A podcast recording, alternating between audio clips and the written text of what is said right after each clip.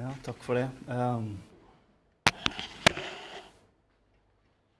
jeg tenkte på det i stad når vi snakka om kjønns, kjønnsfordeling her, så er det i hvert fall et, et dikt om en dame, da. Mm. Uh,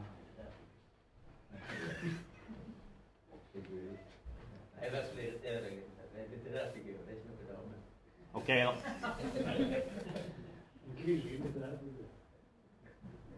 Men uh, jeg vet ikke. For mange av oss så har i hvert fall deler av livet damer bare vært fantasifigurer, så det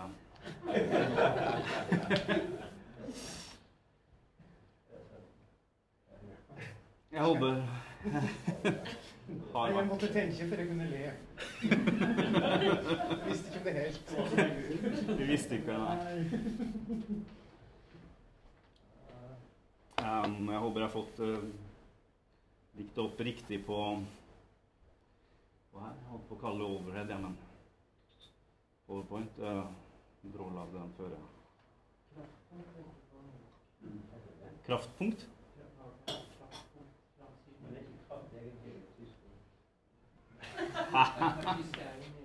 Overhead heter, ly, heter lys ikke bølger. da. Våren. Ja. Um, jeg har nummerert her, og som dere ser, så jeg håper det blir riktig. Ja, det riktig. Um, mitt bidrag tar utgangspunkt i, i Hauge sitt dikt 'Ofelia'. Um, jeg kommer til å bevege meg i ganske mange forskjellige retninger. Kanskje ikke så mange, men i noen flere forskjellige retninger i hvert fall. Og jeg håper å klare å holde diktet i sentrum eh, hele tiden. Men eh, først altså selve, selve diktet. Ofelia. Du er ingen gåte, Ofelia. Bare den gåta et liv og et hjerte er. Hvor umågelig og flokut livet kan verta. Hvor skulle vi gå om vi ikke hadde sorg i og døden? Dans, Ofelia, syng. Strø roser ikring deg, røm inn i et mørkere rom. Det er juvare der, dagen der er ikke så hard. Når kvia si eldpils sting deg, så syng, Ofelia, dans. Vollgravet er strøyd med roser. Nå er jo dette en konferanse om Hauge kontekst. Eh, det er jo svært fett. Eh, Asbjørn Årnes skriver i sitt litterære leksikon at kontekst er betegnelse for enhver tekstlig sammenheng. Eh, og det ligner jo på en annen, annen definisjon av denne intertekstualitet fra litteraturvitenskapelig leksikon. Vidt begrep som betegner alle tenkelige forbindelser mellom tekster. Eh, dette diktets kontekst burde imidlertid være rimelig klar. I dannet selskap må man ha lov til å forutsette at leseren vet at Ofelia er en skikkelse i Shakespeares Hamlet. Skriver altså Willy Dahl i sin bok eh, 'Inn i diktet'. Um, jeg regner dere da for å være et danna selskap og regner med at dere kjenner dere Shakespeare. Uh, men Dahl bruker da det diktet som eksempel på allusjon. Men hvis vi skal snakke om eh, kontekst, intertekst og allusjon, så handler det jo fort over en helt annen diskusjon. Eh, så I den sammenhengen her og i min sammenheng så holder kontekst lenge. Eh, Den norske ordboka kaller kontekst en tekst- eller tankesammenheng. Og Det er jo ikke spesielt vrient å si at det er både tekstlig og tankemessig sammenheng mellom eh, diktet Ofelia og teaterstykket Hamlet. Eh, Det er jo vanskelig å lese et eh, hvert dikt uten å begynne å tenke over og reflektere rundt tittelen. Og det vil jo være med på å skape forventninger til teksten. Og her er jo tittelen et kvinnenavn. Og vi forventer oss da kanskje at det skal være et hylling, hyllingsdikt eller en eller annen form for portrettdikt. Og så er jo ikke da hvilken som helst kvinne heller. Eh, Hamlet, eh, Teaterstykket Hamlet er jo kanskje verden, er i hvert fall den vestlige verdens mest eh, kjente tekst. Når jeg googla på Hamlet, så fikk jeg over 25 millioner treff. Eh, antagelig så var ikke alt det her like relevant, men Men det, men det gir jo kanskje da, ganske sånn, det gir et unøyaktig mål av hvor viktig den teksten er i vår eh, kulturelle fellesarv. Hvor tilstedeværende den er, ikke, ikke minst. Og Hamlet er jo én ting, og Ofelia er en annen ting. Hun er en av Shakespeares, eh, Shakespeares mest fascinerende skikkelser. Og en av de tingene som har fascinert Ofelia, er jo at hun er gal. Hennes galskap er fascinerende for mange. Og den galskapen blir ofte kobla til hennes femininitet. Bakgrunnen for Ofelias galskap er høyst usikker. Og en usikkerhet som nok er villet av Shakespeare. Blir hun gal fordi hun ble avvist av Hamlet? Er det farens død som utløser det, eller er det en kombinasjon av de to? Ja, Det knytter seg i hvert fall mye usikkerhet til både galskapen og til hennes død og dødsfallet hennes, hvordan hun dør. Dessuten så lever hun mange liv også utenfor Shakespeare-stykket. Julia, for eksempel, da, med Romeo og Julie, eh, er mer lukka inne i stykket ikke fått det livet, livet etterpå. Begge dør jo, eh, som kjent. Og for Julia betyr det kanskje at hun ikke får et etterliv. For det er mer closure, som det heter på bokmål, over, eh, over hennes død. Mens Ofelia ikke engang dør på scenen. Og det gis veldig motstridende opplysninger om hvordan hun døde. Klovnene, eller graverne, som graver Ofelias grav, er ikke ikke tvil hun har begått selvmord. Gertrud, dronninga, eh, legger det vakkert fram som en ulykke. Hun legger det så vakkert fram at det er sånn vi ser det for oss. da. Eh, kanskje det er meninga òg, antagelig. At det er helt bevisst dekkes over at det er et selvmord. Og ikke minst så har det fått mange billedkunstnere til å se dette for seg. Og Ophelia har blitt et, var et svært populært motiv uh, fortsatt også. Og stort sett da så er det dødsfallet Gatto faller i, i, i elva som, eh, som, har blitt malt. Og, og, mens akkurat det, det foregår faktisk ikke på scenen i stykket. Før så ble hun mest sett på som en patetisk, uskyldig og lydig datter, søster og elskerinne. Eh, I senere tid så blir hun også sett på som en slags heltinne som bruker galskapen til å finne seg sjøl som en opprørshandling mot patriarkalsk kontroll. Hun er også en mytologisert figur. Så mytologisert at hun har blitt en kultfigur, og ikke minst en klisjé. Så det er altså langt mer enn Shakespeare og teaterstykket Hamlet, Hamlet dette diktet går i dialog med, enten det vil eller ikke. Um, her er det tankesammenheng mellom mange forestillinger fra populærkultur, malerkunst, psykologi og litteraturvitenskap, for å nevne noe. Også i sekundærlitteraturen rundt Shakespeare er hun mye omtalt. Jeg spurte Harold Bloom faktisk om eh, tips, i gode artikler om eh, Ophelia, og da svarte han Dear sir, I know no good articles on Ophelia. Så det er skrevet mye, men Hadde ikke han skrevet den selv, da? Antagelig ikke. det naturlige svaret.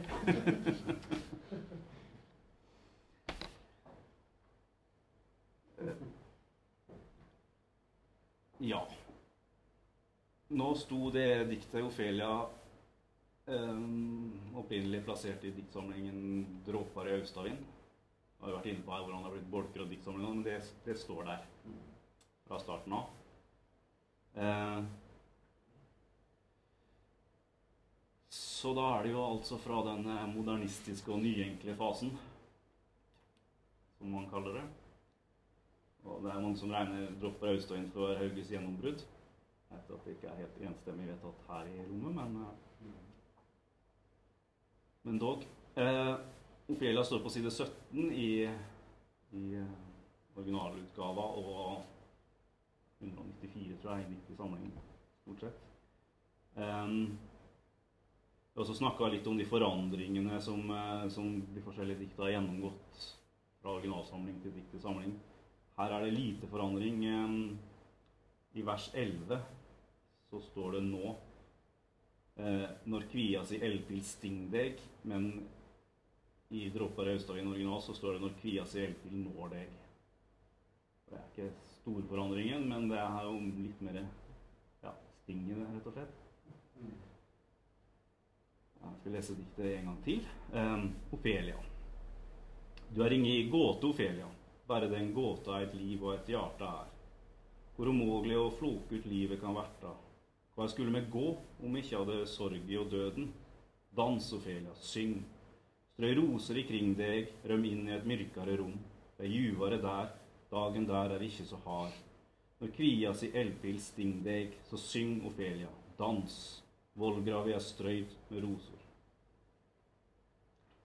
Diktet innledes med en ganske sterk påstand om at Ofelia ikke er en gåte.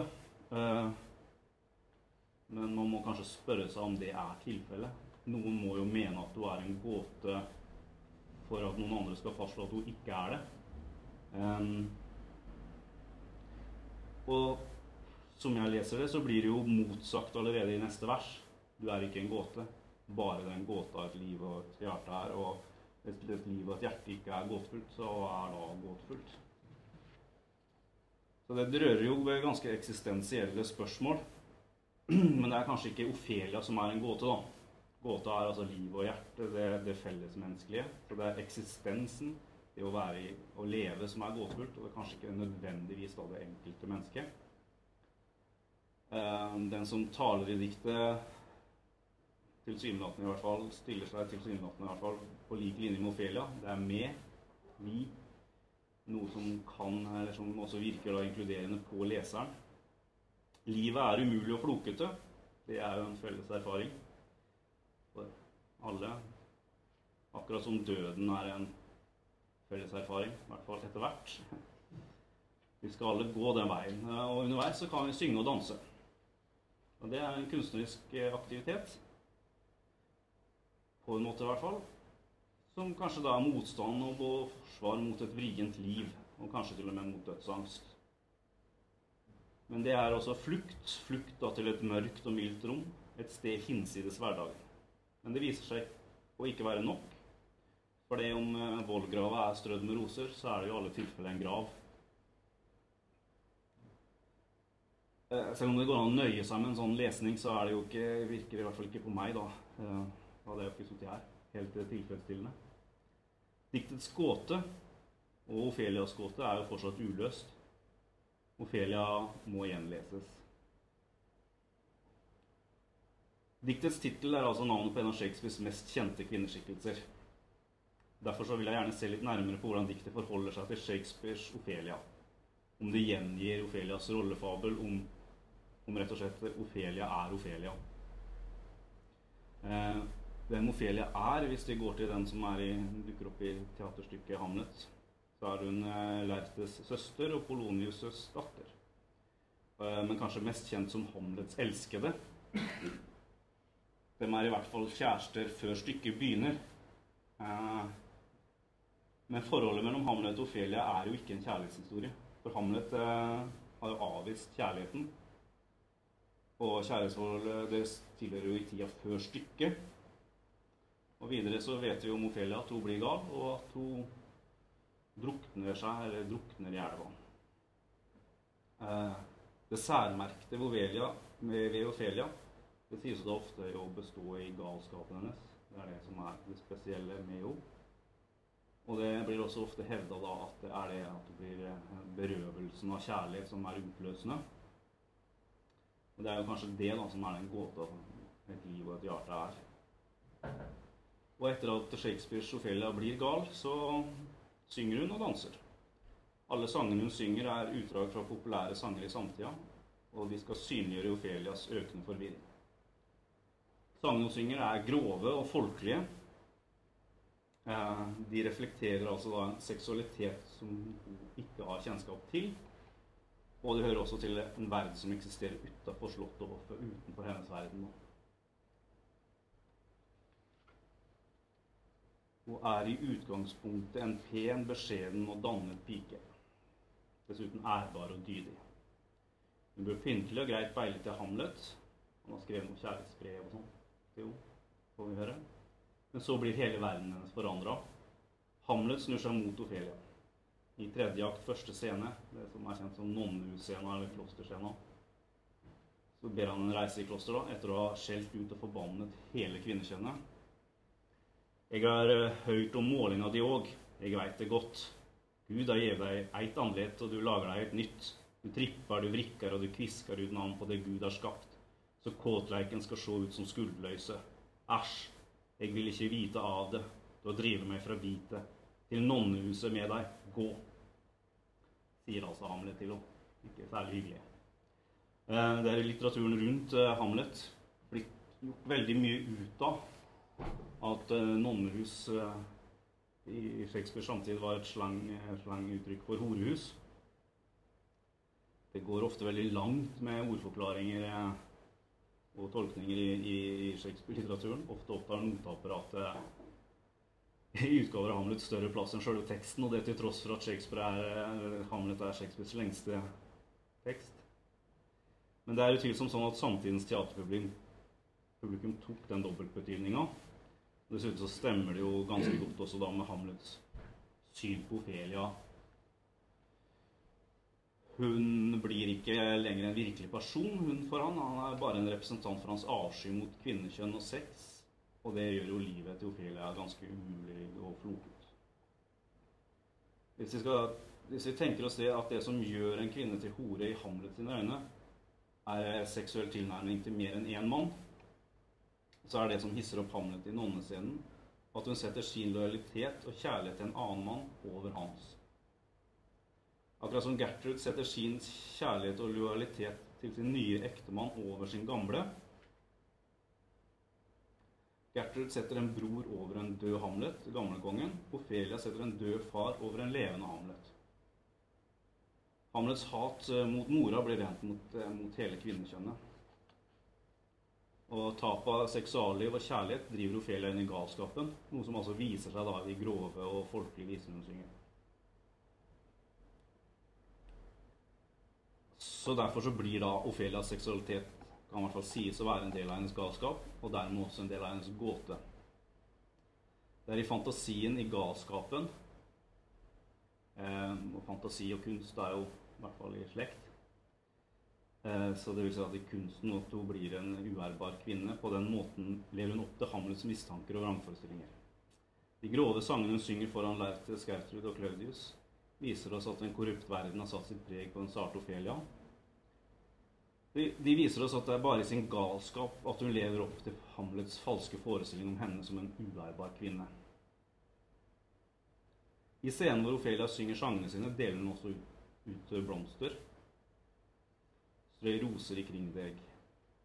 Blomstene symboliserer forskjellige egenskaper. Her er rosmarin, den er til minne. Kjære, vær god, gløym ikke. Og her er natt og dag, den er for tanker, sier Ofelia når hun deler ut blomster. Eh, blomstene er da altså et symbol på uskyldighet og blir en slags emblem, eller ja, emblem på hennes ungdom og uskyldighet og hennes manglende evne til å forholde seg til den vonde virkeligheten i stykket. De, de Blomstene fyller da på mange måter den samme dramaturgiske funksjonen i stykket som det, det, det sangene gjør. Det er uttrykk for forvirring og manglende evne til å forholde seg til virkeligheten. Ok, eh, Hauge sitt dikt gir altså gjengir altså Ofelias rollefabel ganske kort og konsist. Eh, hvis man vil, kan man lese det som en slags referat. Ofelias liv blir umulig og floket fordi faren hennes fordi faren får henne til å fornekte Hamlets kjærlighet, men også Hamlet er skyldig. Ofelias skjebne blir jo besegla av, Hamlet, av Hamlets følelsesmessige og mentale kollaps. Siden danser og synger Ofelia og rømmer inn i galskapen. Til slutt gravlegges hun. I, I, stykket Hamlet er det tre scener hvor Ofelia er tydelig til stede, spiller en rolle, stor rolle. Og det er nonnescenen, hvor hun blir fornekta og fornekter Hamlet. Det er scenen hvor hun synger og deler ut blomster. Og det er den siste scenen, sjølve gravferden. Eh, vollgrav er strøyd med roser. Kan vise direkte til scenen og Gertrud, Hamlets mor, strør blomster over Ofelias grav. Ole påpekte på meg en gang. Strør blomar, står det da i sceneanvisninga. Det er sånn. Så det kan i hvert fall eh, fastslås at Ofelia er Ofelia. Både i dikt og i teaterstykket. I 'Dråper av Austavind' eh, står det diktet plassert sammen med tre andre dikt som også handler om eller tematiserer galskap. Eh, Ofelia er kanskje den mest tilgjengelige av de fire. Siden det ikke fordrer annen bakgrunnskunnskap enn enn at man kjenner litt til Hamlet. Eh, De andre dikta eh, henspiller direkte til Van psykiatriske sykehus og opplevelser Olav H. Hauge hadde der. Når sånt skal sies, så det er kanskje ikke helt riktig å si at de tematiserer galskap, selv om Hauge hadde flere opphold på Hval. Men, eh, men den biografiske kunnskapen er lett å se igjen i diktene hvis man kjenner den. Men det er, eh, er jo ikke nødvendig for å lese dikta. De, de tre andre er eh, Svegde ved Kinas dør og Eg sten deg stedu. At de er plassert etter hverandre, er jo neppe en tilfeldighet. Eh, Den samme rekkefølgen er nemlig beholdt da i dikt samling. I alle utgaver av dikt samling som jeg har sett på, så er det samme rekkefølge. Noe som jeg mener da styrker muligheten for å lese dem i sammenheng. eh, I det minste. Som vi har snakka om her før, så, så ble dikt i samling redigert og revidert mange ganger. Enkeltdikt eh, ble forandra, og det ble forandra på rekkefølge. Så det er jo utvilsomt sånn at Hauge hadde et bevisst forhold da, til innbyrdes forhold mellom dikta, og mente noe om det. Eh, og her disse står da som de har gjort. Eh, I 'Dråper i østovind' så står 'Eg stend eg sedio' og Ofelia på motstående sider. Når du blar opp, så er det bare de to du ser. Eh, I dikt samling så står de på samme side. Det kan jo tyde på at i hvert fall de to henger sammen. Og både da Svegde og, og ved Kinas dør står på samme side på siden føre. Og det gjør de både i dikt samling og i Dråper. De to dikta står sammen på samme side. Og, og Svegde handler om I tillegg til det norrøne, selvfølgelig. Eh, om, om en som Hauge møtte på Valen. Ja, han har fortalt Ole Karlsen at eh, ja, du veit, han som leita etter Odin, og en kveld gikk inn i en berghammer og ikke kom att. Ja, på vaktsalen på Valen hadde jeg ei ti senga mi attmed en mann som lå bunden. Han var gamal og grå og tala om mange merkelige ting. Jeg fikk det for meg det var Svegde som var kommet hit på vandringen sin. Resten av samtalen kan jo være litt i Ole sin bok 'Streiflus'. Um, Svegde har gjennomgått mer radikal forandring, egentlig, fra, fra 'Dråper og Øystavind' til diktesamling. Det er lagt til eh, fire vers, og i tillegg så er siste vers litt forandra. Eh, som det står i diktet samling, så er diktet sånn. Jeg har vel fått det på, på ark fra Idar her òg. Svegde. Mange for fyredeg svegde, og mange etter. Var du vandra, veit ingen.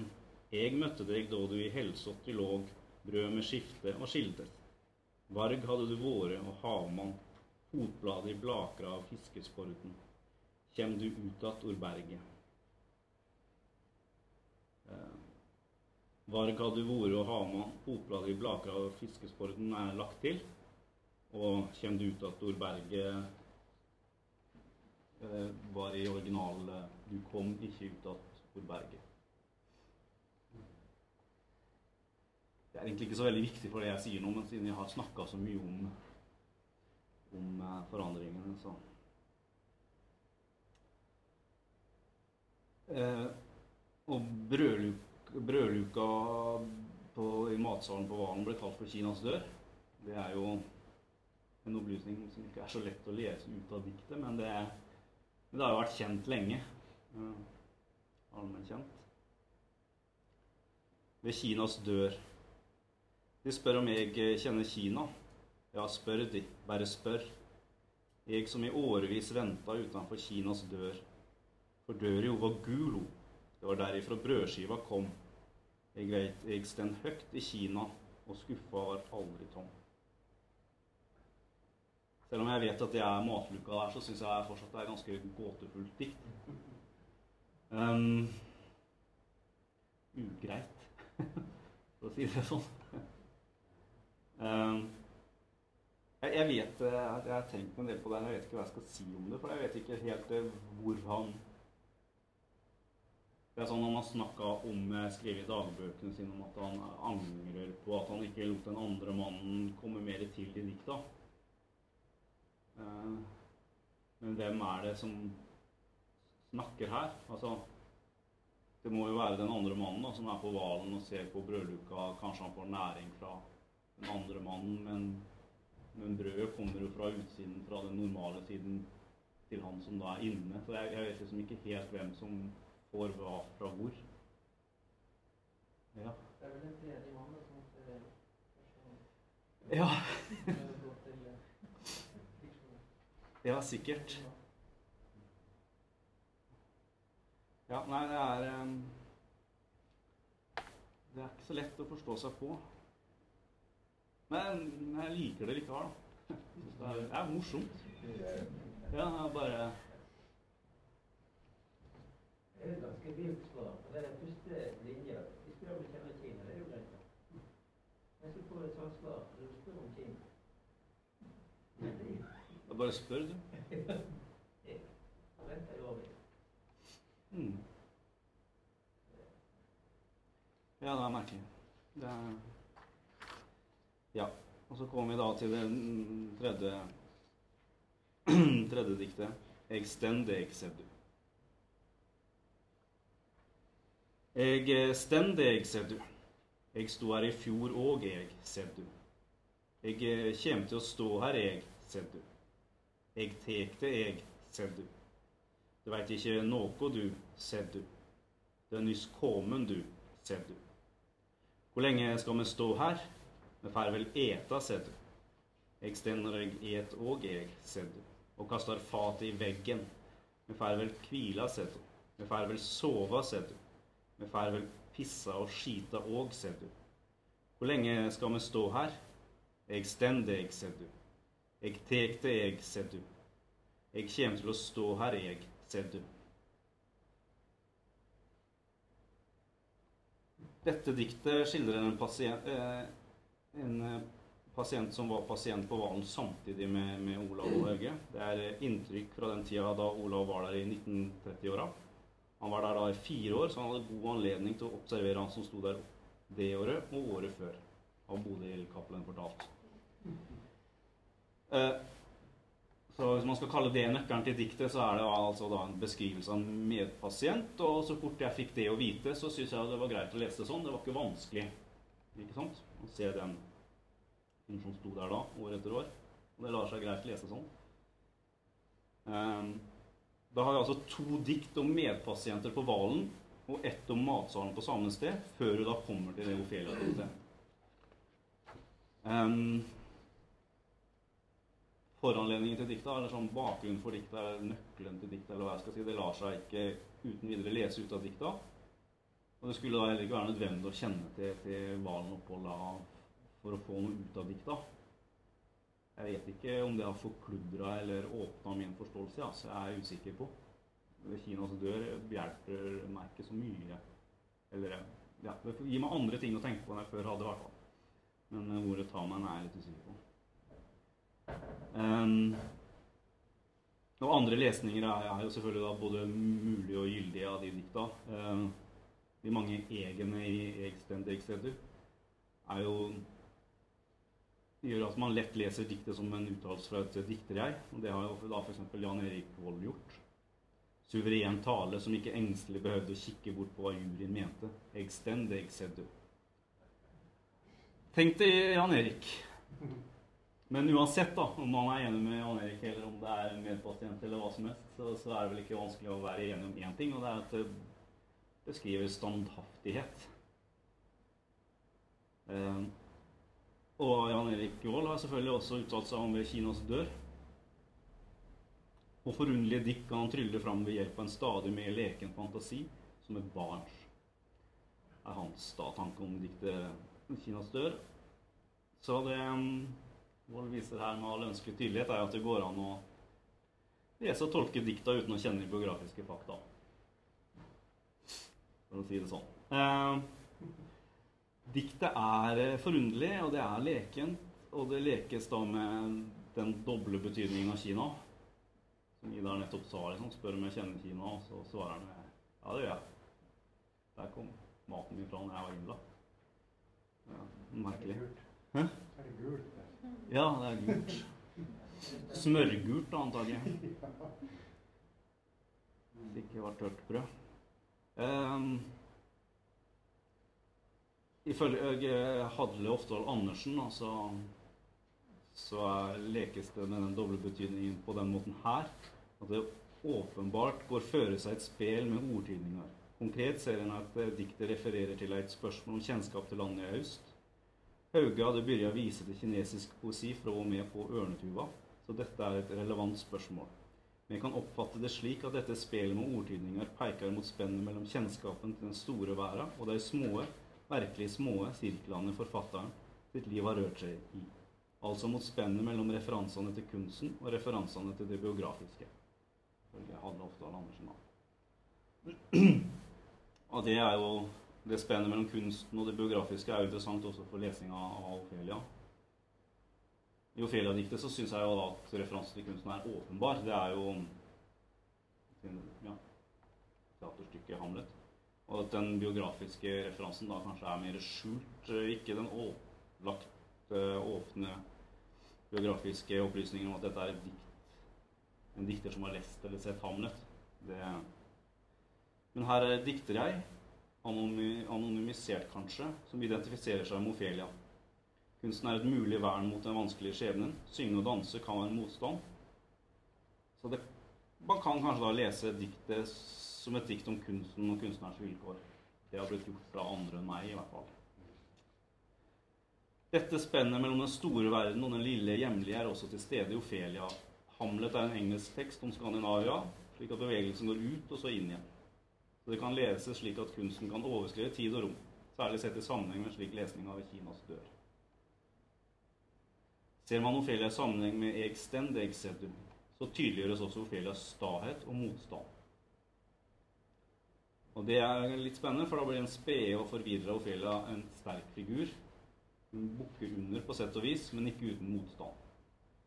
Hun tar til de våpen hun har for hånda, hånden, hennes største scene i Hamlet, hvor hun synger og deler ut blomster. Så det er altså først i galskapen og kunsten at hun virkelig blir synlig som seg selv. Så det mørke rommet som hun flykter inn i, er ikke bare flukt, men kanskje også da et uttrykk for styrke og motstand. Konteksten er altså svært tydelig her. Det er, handler om en kjent litterær figur. Det er liten tvil om at, at det er tankemessig sammenheng mellom Shakespeares og Hauges Ofelia. Det er også mange tekstlige sammenhenger utover det diktet gjenforteller på sett og vis. Eh, utover at diktet gjenforteller Ofelias historie. Um, med utgangspunkt i noen, noen da eh, sjangertrekk skal jeg se litt nærmere på noen andre sider av, av diktet. Eh, Ofelia begynner med en apostrofe, som mange mener er selve kjennetegnet på lyrikk. Eh, apostrofe er jo å henvende seg til en ting, et sted, en idé eller en død eller fraværet person, som om den man henvender seg til, var til stede og i stand til å forstå. Jeg tok ikke med den definisjonen, for jeg regna med at dere vet hva det betyr, men fordi at det, det passer veldig godt, da. For at dere skal se hvor godt det passer på akkurat det diktet er. For det er jo snakk om en eh, litterær person som i aller høyeste grad må sies å være fraværende. Um, siden til alt overmål er en død litterær figur, som også da skal representere en idé. En idé f.eks. om kvinnens doble natur. En annen effekt som oppnås ved denne direkte henvendelsen til Ofelia, er at hun bringes nær leseren, og at man godtar den forholdsvis sterke påstanden om at hun ikke er en gåte. I hvert fall i første runde. Um,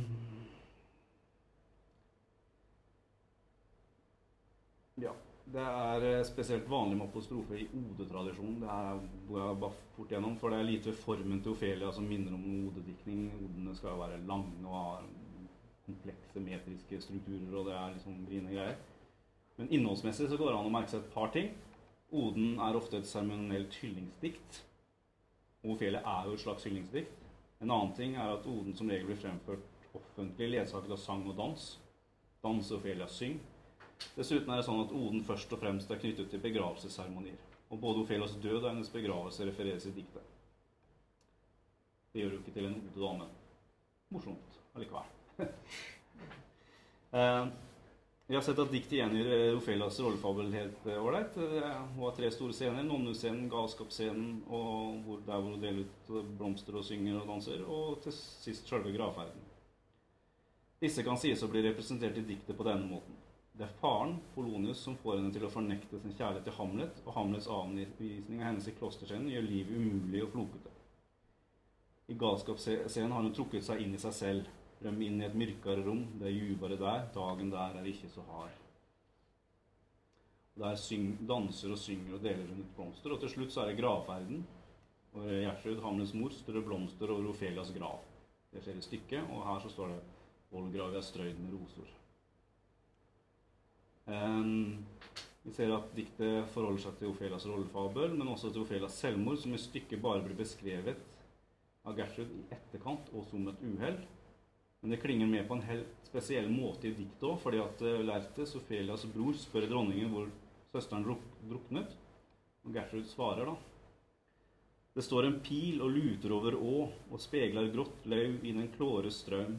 Der, flett, der fletta hun seg en krans av pileblad Soleier, nesler, tusenfryd, hugvendel, som kåte gjetrar gjev grøvre navn, men kalde møyar kaller daudmannsfingrar.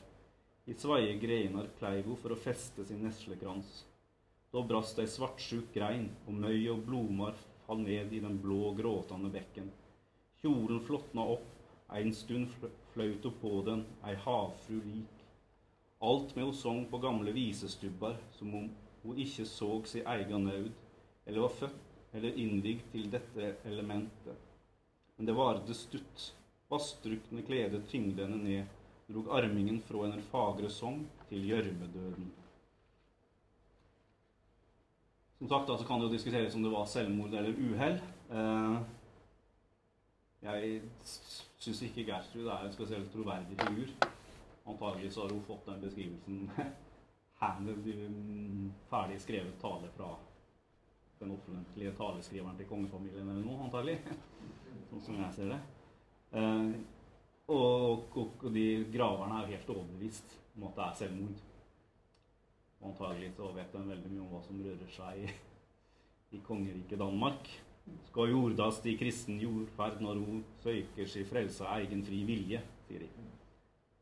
Det gis ikke noe entydig svar i stykket, men eh, ja, uansett om det er selvmord eller ikke, så er det jo en altfor tidlig død som er en konsekvens av, av de harde slag som livet har påført henne, og, og, hennes måte å takle de problemene på. Som vi kan lese i Gertruds beskrivelse, så faller hun i gråtende bekken og blir brakt til gjørmedøden, som da kanskje er vollgrava, mens hun synger og har med seg blomstersasen sin. Hvis vi da leser vers 6-13 Jeg leser ikke den på nytt nå mot det bildet av at hun faller i den gråtende bekken, eh, så går det an å tenke seg da vers til 7, 7-10, som en omskriving av Ofelias fall i vannet. Å rømme inn i et mørkere rom kan minne om drukning. I Gertruds gjenfortelling er det også en mild drukningsdød som Ofelia knapt nok sanser. Og rundt henne strøs blomster hun hadde med seg, i vers 7. Det vil kanskje være for langt, eh, trekke det for langt å si at hun danser nedover strømmen mens hun nyter havfraktig Hva går det der? Og leser vi det mørke rommet i vers 8 som en parallell til vollgrava. Mm, I hvert fall siste ledd her, gravi. Lar seg tolke som et mørkt rom. Så underbygger det lesningen av vers 7-10. Strø roser ikring deg, grøm inn i et mørkere rom. Det juvere der, dagen der er ikke så hard. Som en beskrivelse av drukninga. Eh, en vollgrav er som kjent en grav fylt med vann. Et forsvarsverk. Det kan altså som jeg har gjort tidligere, leses som Ofelias grav, som dronningen større blomster over. Men også fordi det er vann i den, leses som stedet Ofelia dør. Deretter snakker også om Ofelias våte grav. Så våt ei grav som du har fått, Ofelia, burde jeg stogge tårene. Siste verset, vollgravet jeg strødd med rosor, lar oss på samme tid se Ofelias drukningsdød, der hun syng, synker syngende med blomster rundt seg, og selve begravelsen, og Gertrud sør blomster på grava.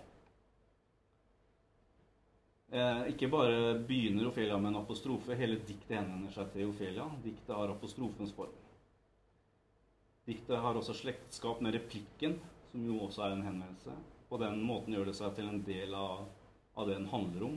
Den handler altså om en rollefigur i et teaterstykke. da. Med den replikken så gjør det seg til en del av det, på en måte. Man kan også se på, på diktet som en serie apostrofer. Um, da har vi jo et annet uh, sjangertrekk i lyrikken, nemlig, nemlig repetisjon. Og det er jo et grunnleggende element i stort sett all litteratur, også uh, av både en formdimensjon og en innholdsdimensjon. Det er et strukturprinsipp i lyrikken som bl.a. er med på å konsentrere teksta. Det som gjentas og er, repeteres i diktet, er jo det, det, det første ordet som gjentas, er eh, gåte.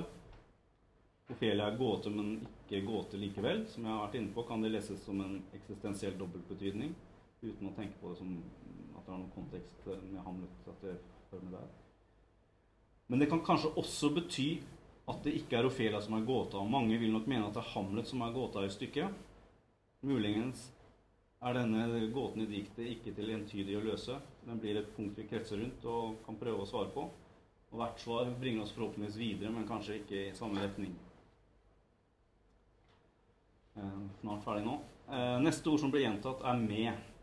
Det er interessant på flere måter, bl.a. fordi det gjør, et, eh, gjør fraværet av 'eg' tydelig. Den talende i Ofelia er anonymisert. Diktet er altså ikke en tale fra et 'jeg' til et 'du', virker det som. Noe som får et talende subjekt til å virke mindre insisterende til tross for sine sterke formaninger. En annen effekt som oppnås ved dette 'med', er at den talende stiller seg likt med den det tales til. Det handler ikke om denne du bare, men både den talende og den tiltalte. Leseren blir kanskje også inkludert i dette med. Noe som forsterkes av vers 4 og 5, som handler om sorgen og døden som ingen av oss slipper unna. Slik blir det et dikt ikke bare om den fjerne Ofelia, men om noe som kan tenkes å angå leseren. Så da leser vi kanskje videre med, med skjerpa oppmerksomhet. Men. Det er alltid et men. Og det er eh, Kanskje er ikke dette eget så utydelig dette diktet likevel, siden det er en henvendelse, en replikk. Eget er jo tydelig til stede hele tiden som den som fører ordet. Du og med, du og vi.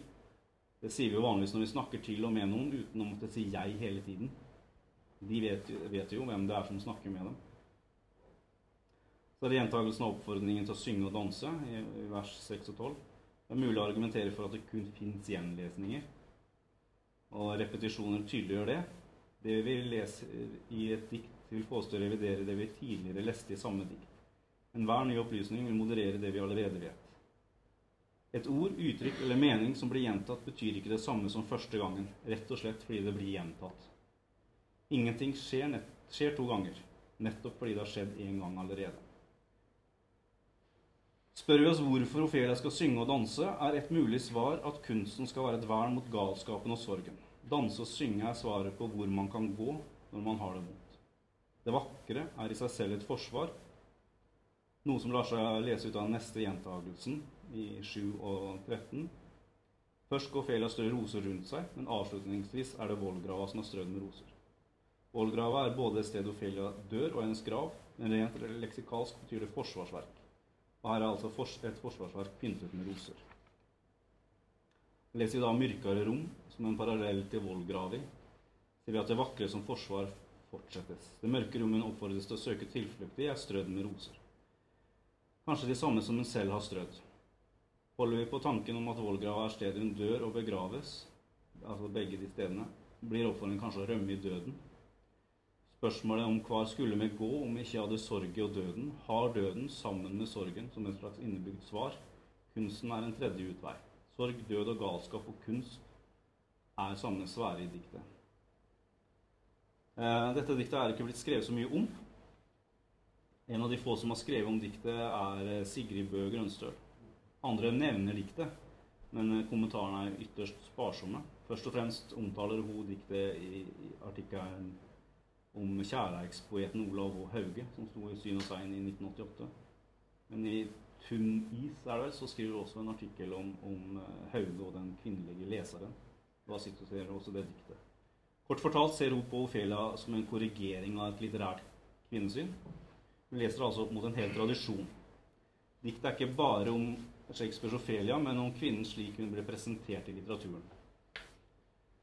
Eh, Dette skriver Grønstøl. Lese som en kommentar eller tilsvar til annen diktning. Moderne lyrikk er ofte det. Er dikta i korrigering av litteraturens kvinnesyn. Det avmystifiserer og avdemoniserer den irrasjonelle kvinna i litteraturen. Du er ingen gåte, Ofelia, bare den gåta et liv og et hjerte er. Hvor umågelig og flokurt livet kan verta. Hva skulle vi gå om vi ikke hadde sorg i og døden? Her blir Shakespeares Ofelia sjølve den litterære kvinnegåta og andre kvinnegåter i litteraturen løyst ved at den diktende mannen plasserer seg solidarisk og forstående ved hennes side. Du er gåte som menneske, som mannen er det, men ikke som kvinne. Galskapen, livsgåtene og det irrasjonelle og ustyrlige kreftene, sorga og døden, har kvinne og mann felles. Hva skulle vi gå, du og jeg, om vi ikke hadde sorga og døden? Du er som oss alle, Ofelia, og kanskje er du dikter, skriver altså Grønstad. Vi må prøve å komme til Ja, det er ikke mye igjen. Det er en sympatisk lesning som har mye for seg. Eh, mye av det som får det diktet her til å berøre oss som lesere, er jo at det ligger, ligger i gjenkjennelsen. Noe som hadde vært mye vanskeligere om dette hadde vært et dikt som eksplisitt handlet om Shakespeares Ophelia. Vi har sorgen og døden felles. Grønstøl har altså fullstendig rett når hun påpeker at det gåtefulle, irrasjonelle og uforståelige ofte blir tillagt kvinner. Hun viser selv i sin artikkel til diktere som har gjort dette. Blant annet siterer hun følgende av Tore Ørjasæter. Just så løste meg den løndaste gåtor, vart ho sjølv gåta meir enn før. Eh, hun setter altså da Hauges diktning opp mot en mannlig tradisjon. Ja, som Cappelen, eh, har sagt, eh, med kvinnediskriminerende dikt, eller for å si det mildere, dikt som speiler tidens kvinnesyn. Og slike dikt har ikke Olav noe av. Stemmer det? Eh, det er mye vi må gi Grønstøl rett i, selvfølgelig. Eh, men spørsmålet er om Ophelia, diktet Ophelia faktisk utsier at hun eh, er en eh, gåte, og om Shakespeares Ophelia opptrer gåtefullt. Det er ingen gåte kan istedenfor å leses som en løsning av gåten, leses mye mer konkret. Ophelia er ingen gåte. Det er jo først og fremst Hamlet som er gåta i stykket. Ågot Senstad, som spilte Ophelia på Nationaltheatret i 1998, sier i programheftet den hun elsker, er hun tvinget til å avvise. Galskapen er en naturlig følge av alt dette. Alt hun sier, kan man, selv om det tilsynelatende er tåkete, helt konkret knyttet til det som har skjedd. Det er ikke noe som tyder på at de andre karakterene i stykket syns at det er noe spesielt gåtefullt ved opp opptredenen hennes heller. Og det er jo lov, lov å tenke seg at den beleste Hauge kjente til forskningen rundt Hamlet. Og i den forskningen var lenge en av hovedsakene gåten Ofelia. Så det kan tenkes at Hauge kommenterer forskningen så vel som det litterære kvinnesynet. Noe som kanskje er to sider av samme sak. Eh, Det er vel også nærliggende å tenke seg andre løsninger av gåta. Hun, Ofelia, er ingen gåte for den som fører dikt, ordet i diktet, fordi han selv kjenner galskap og vet hva det er. Da blir du og meg noe mer ekskluderende. Vi som lesere, vi vet ikke noe om dette, vi. Du veit ikke noe, du, sier du. Det er nyss kommen, du, sier du. En annen, mulig, eh, en annen ting det vel også er mulig å tenke seg, nemlig at det er de andre, Svegde og annen som står der år etter år, som er virkelige gåter. Og den oppdiktede Ofelia, ikke den oppdiktede Ofelia som er gåte. Men det virker ikke som om det skilles nevneverdig på disse figurene, enten de er virkelige eller oppdiktede. For det er tydelig et til stede en identifikasjon med Ofelia, og diktet er sympatisk mot henne. Ja, da er jeg ved veis ende, men kanskje ikke i mål. Det er, diktet inneholder så mye og til dels motstridende at jeg nok aldri blir helt ferdig. Det